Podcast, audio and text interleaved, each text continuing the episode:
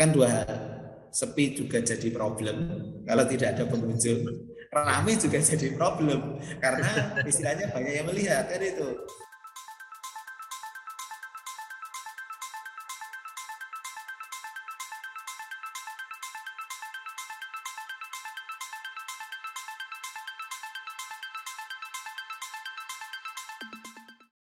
Baik Pak, mungkin uh, saya izin bertanya juga nih sebagai generasi muda. Kalau ini kan tadi dijelasin bahwa kelompok-kelompok ini isinya adalah ibu-ibu ya Pak. Apakah di Desa Giri Layu sendiri tuh adakah anak muda yang tertarik uh, untuk membatik juga uh, dan mengikuti untuk membuat batik dan segala macamnya? Oh, kalau sekarang alhamdulillah mulai muncul, mulai muncul generasi-generasi baru. Jadi kemarin bahkan ada yang mulai rekrutmen anggota-anggota kelompok itu yang ada yang bahkan sekarang itu masih bujang, itu dia sudah berminat. Itu. Kalau dulu kan tetap yang sepuh-sepuh itu tidak pungkiri mereka sudah biasa membatik itu. Tapi kalau sekarang itu sudah mulai banyak anak muda yang mulai ikut bergabung. Tapi kalau untuk keahlian tidak dipungkiri, mereka sedang menyesuaikan keahliannya dengan mewarisi dari istilahnya senior-seniornya itu. Tapi sekarang sudah mulai muncul bahkan dari umur 20-an sekarang sudah ada yang ikut gabung. Mungkin yang bisa dikatakan ibu-ibu muda itu juga sudah mulai bergabung menjadi satu kesatuan. Oh, mungkin udah mulai banyak yang tertarik ya Pak. Mungkin dari Desa Girilaya sendiri ada rencana untuk regenerasi nggak untuk agar anak muda ini uh, skill-skill dalam membatiknya ini uh, bisa disamakan gitu dengan para yang sudah terlebih dahulu membatik itu sangat ingin Mbak. Bahkan kami sedang berusaha bagaimana caranya tidak dipungkiri yang menjadi arah tujuan kami ke depan itu yang pertama tetap memperkuat pemasaran. Yang kedua memperkuat variasi produk. Yang ketiga itu memperkuat jumlah produksi. Karena kami yang produk otentik ini, produk otentik ini dibandingkan dengan badai print dan lain sebagainya itu kan kalau untuk jumlah produksinya terpaut jauh. Tapi bagaimana caranya kami yang memiliki produk otentik ini tetap terjaga kualitasnya tapi dengan jumlah yang semakin tinggi. Kalau untuk jumlah semakin banyak kan nanti kos bisa semakin berkurang. Itu. Jadi maka dari itu alhamdulillah kan sekali lagi kami berusaha bersinergi bersinergi dengan apa? Kami mendapatkan bimbingan dari banyak pihak. Itu kami mengaku sangat bersyukur sekali. Itu untuk apa? Karena bisa meningkatkan kemampuan ibu-ibunya kemampuan anak-anak mudanya. Habis itu kan muncul minat. Muncul minat. Muncul minat dari yang muda-muda lagi. Karena apa? Karena mereka yang muda sudah skillnya bisa terasa kemudian skillnya bisa mengikuti itu nanti akan menularkan ke generasi muda yang lainnya. Gitu. Baik. Pak Nanang, eh, tadi kan anu ya dibahas terkait regenerasi ke yang muda-muda ini. Pak, dari mulai belajar sampai ke produknya itu layak jual gitu Pak ya. Itu ya. butuh butuh berapa lama ya Pak ya kita latihan ataupun melatih generasi muda ini sampai sampai bisa ya mungkin tidak seahli yang sepuh-sepuh tapi yang udah pantas gitu produknya untuk bisa dijual gitu butuh berapa lama ya Pak? Ya. Kalau kalau itu bisa dikatakan sekali lagi yang namanya seni. Seni itu kan bisa tidak bisa dipaksakan untuk seseorang ya Pak ya. Hmm. Tapi kalau untuk proses itu kan bisa diikuti semua orang gitu. Jadi sekarang pun kan sudah muncul teknologi dan lain sebagainya. Kalau untuk pola dan lain sebagainya itu juga sudah bisa. Paling tidak seperti kemarin yang ada yang kami tawarkan itu misalnya magang, magang seminggu. Magang seminggu itu untuk apa? Pertama baik dari pengenalan, kemudian untuk proses pencantingannya. Kan bahkan ibu-ibu yang sudah ahli pun itu mereka kan memiliki kualitas pencantingannya mereka masing-masing. Ada yang sudah ahli itu cantingannya lembut, halus. Ada yang cantingannya masih oh keluasannya beda gitu. Nah kalau untuk yang baru, baru belajar dan lain sebagainya, itu biasanya pertama mereka dimulai untuk terbiasa gitu. Tapi sekarang tidak memungkiri kalau untuk satu produk jadi pun mereka yang istilahnya kilat, berusaha kilat seperti yang sedang kami usahakan ini kan untuk edukasi yang anak-anak sekolah.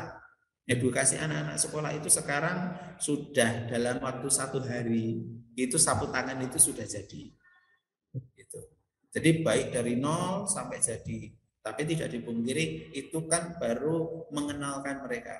Kemudian kalau untuk muda-muda yang tetap ingin menjadi ahli atau paling tidak bisa dikatakan bisa, itu bisa mungkin di sini belajar dari nolnya nolnya sampai jadi itu biasanya oh seminggu atau mungkin minimal itu tiga hari. Kalau tiga hari itu paling tidak mereka tahu gitu.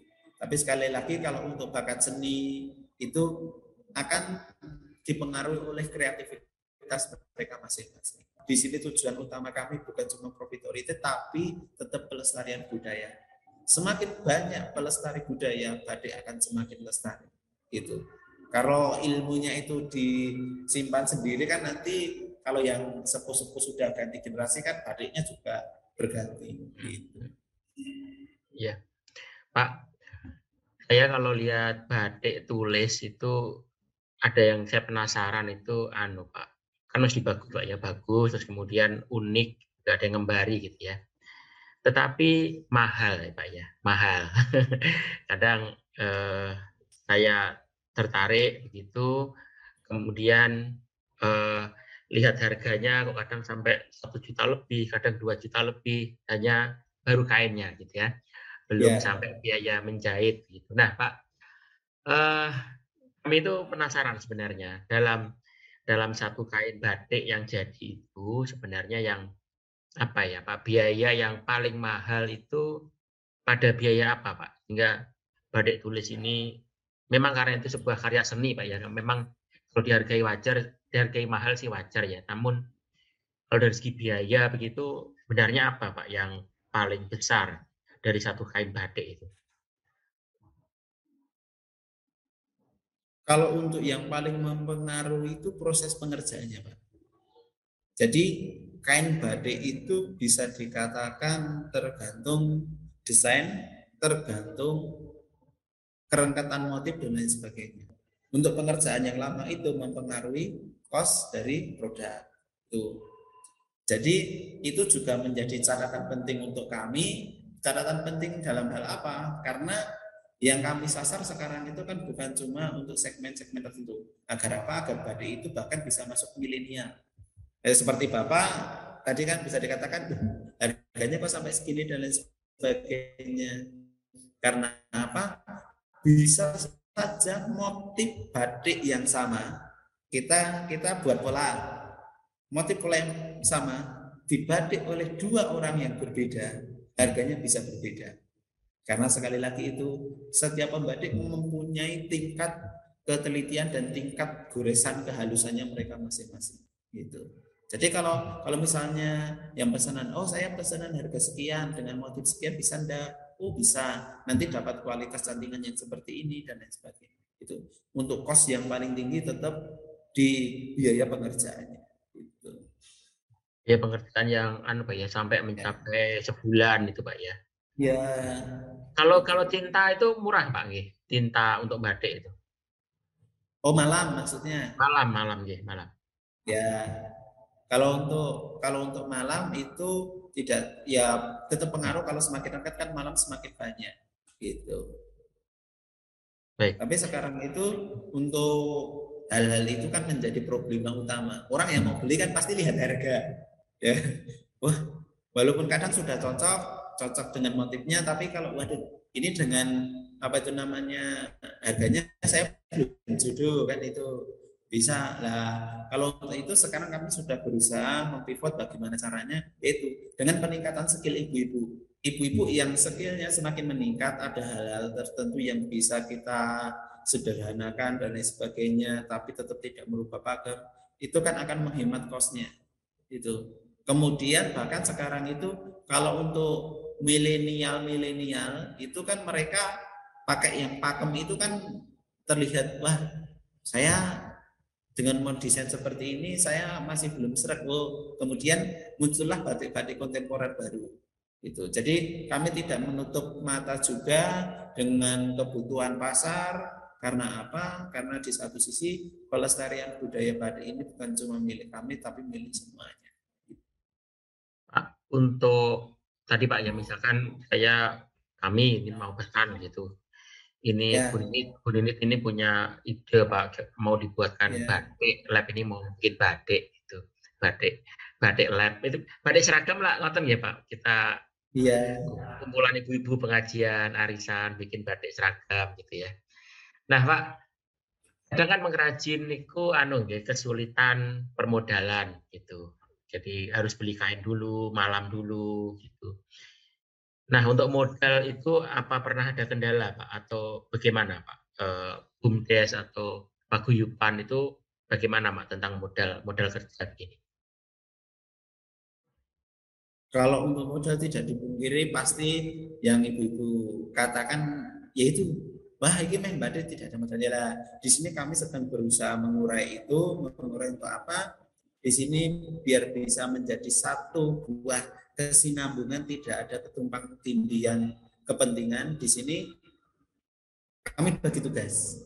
Jadi sebagai penyedia bahan itu kami arahkan nanti arahnya ke bumdesnya, kemudian nanti pengerjaannya ke ibu-ibu gitu. Kemudian misalnya di digital marketing dapat order, bisa dikatakan seperti itu. Kemudian untuk pengambilan bahan silakan ambil ke sini gitu. Kan mereka tinggal ambil ya kan tidak perlu mereka jauh-jauh lagi kalau misalnya di Karanganyar sendiri Karanganyar kan kalau untuk cari pusat kainnya dan lain sebagainya kan harus berjalan ke Solo. Ke Solo saja bisa dikatakan nanti muncul kos lagi. Nah di sini itu sekarang bisa ambil bahan di BUMDes. Gitu. Jadi BUMDes selaku penaung tidak merusoi istilahnya garapan ibu-ibu, tapi malah juga membantu ibu-ibu dalam menyediakan bahan tersebut. Itu bayarnya belakangan Pak untuk bahan gitu Pak. Boleh bayar belakangan. Iya Pak, itu bisa. Karena apa? Karena nanti kan biasanya ada perjanjian jual belinya, ya kan?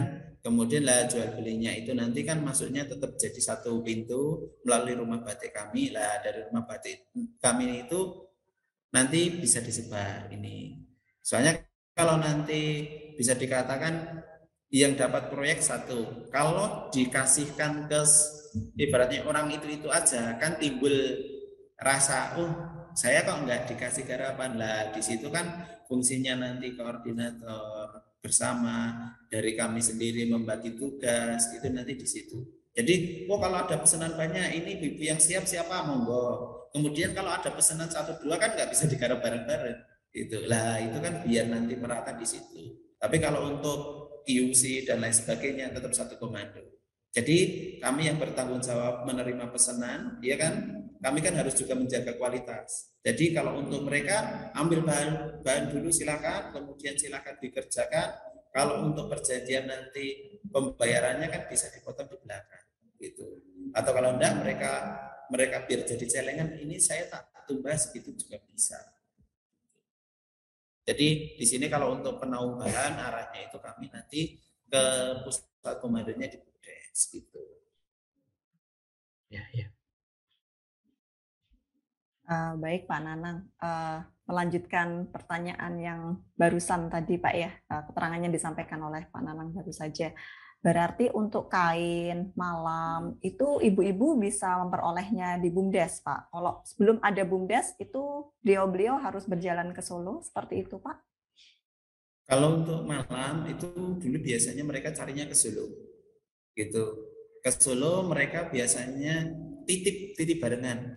Kalau ada satu yang beli, itu saya nitip gitu. Jadi kan biar hemat di kos. Nah, arahnya ke depan itu menjadi satu jadi satu, oh ini untuk malam, saling dan lain sebagainya itu nanti kami arahkan ke bumdesnya.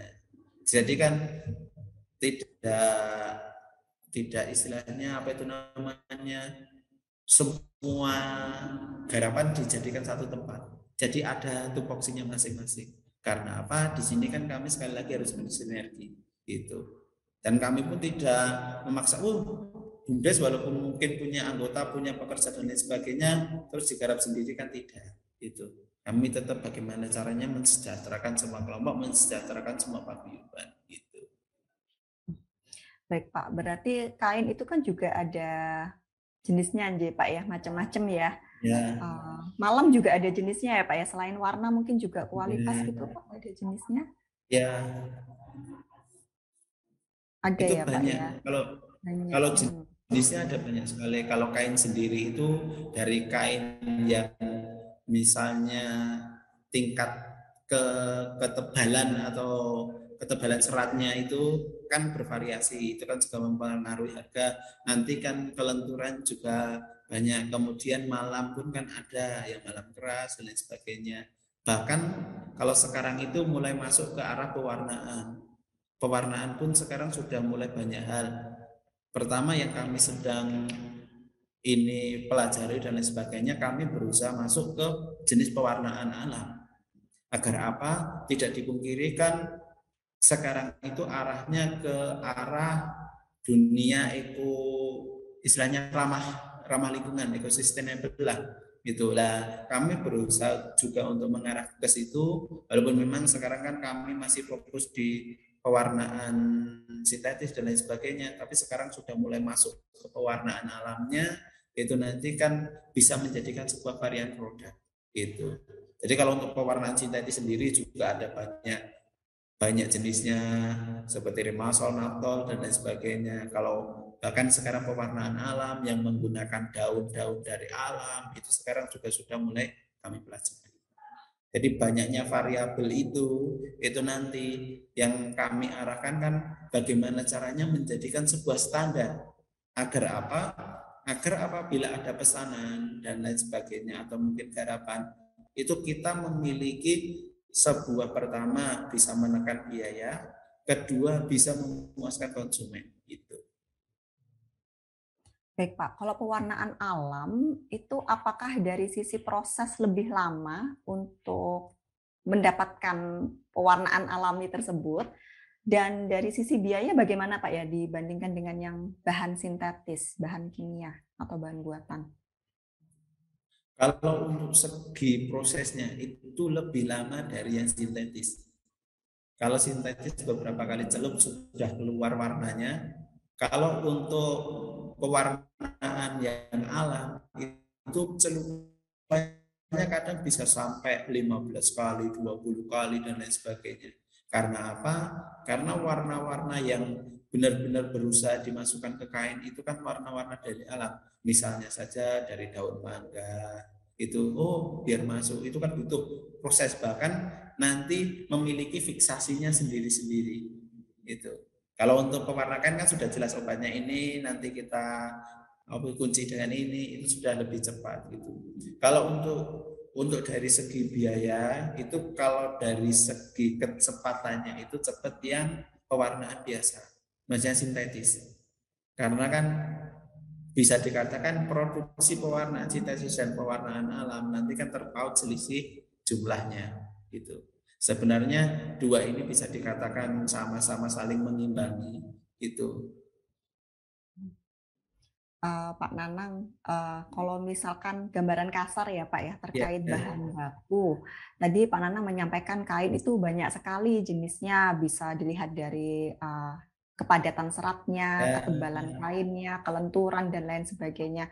Kalau jenis kain sendiri ada Pak kira-kira lebih dari 30 jenis kain kalau kasaran begitu Pak? Kalau itu ada ada ya Pak? Atau, gitu. atau lebih itu mungkin kan, Pak? katun, katun dari katun sendiri itu kan ada mereknya itu. Jadi merek itu kan mempengaruhi pertama lebarnya, ya kan?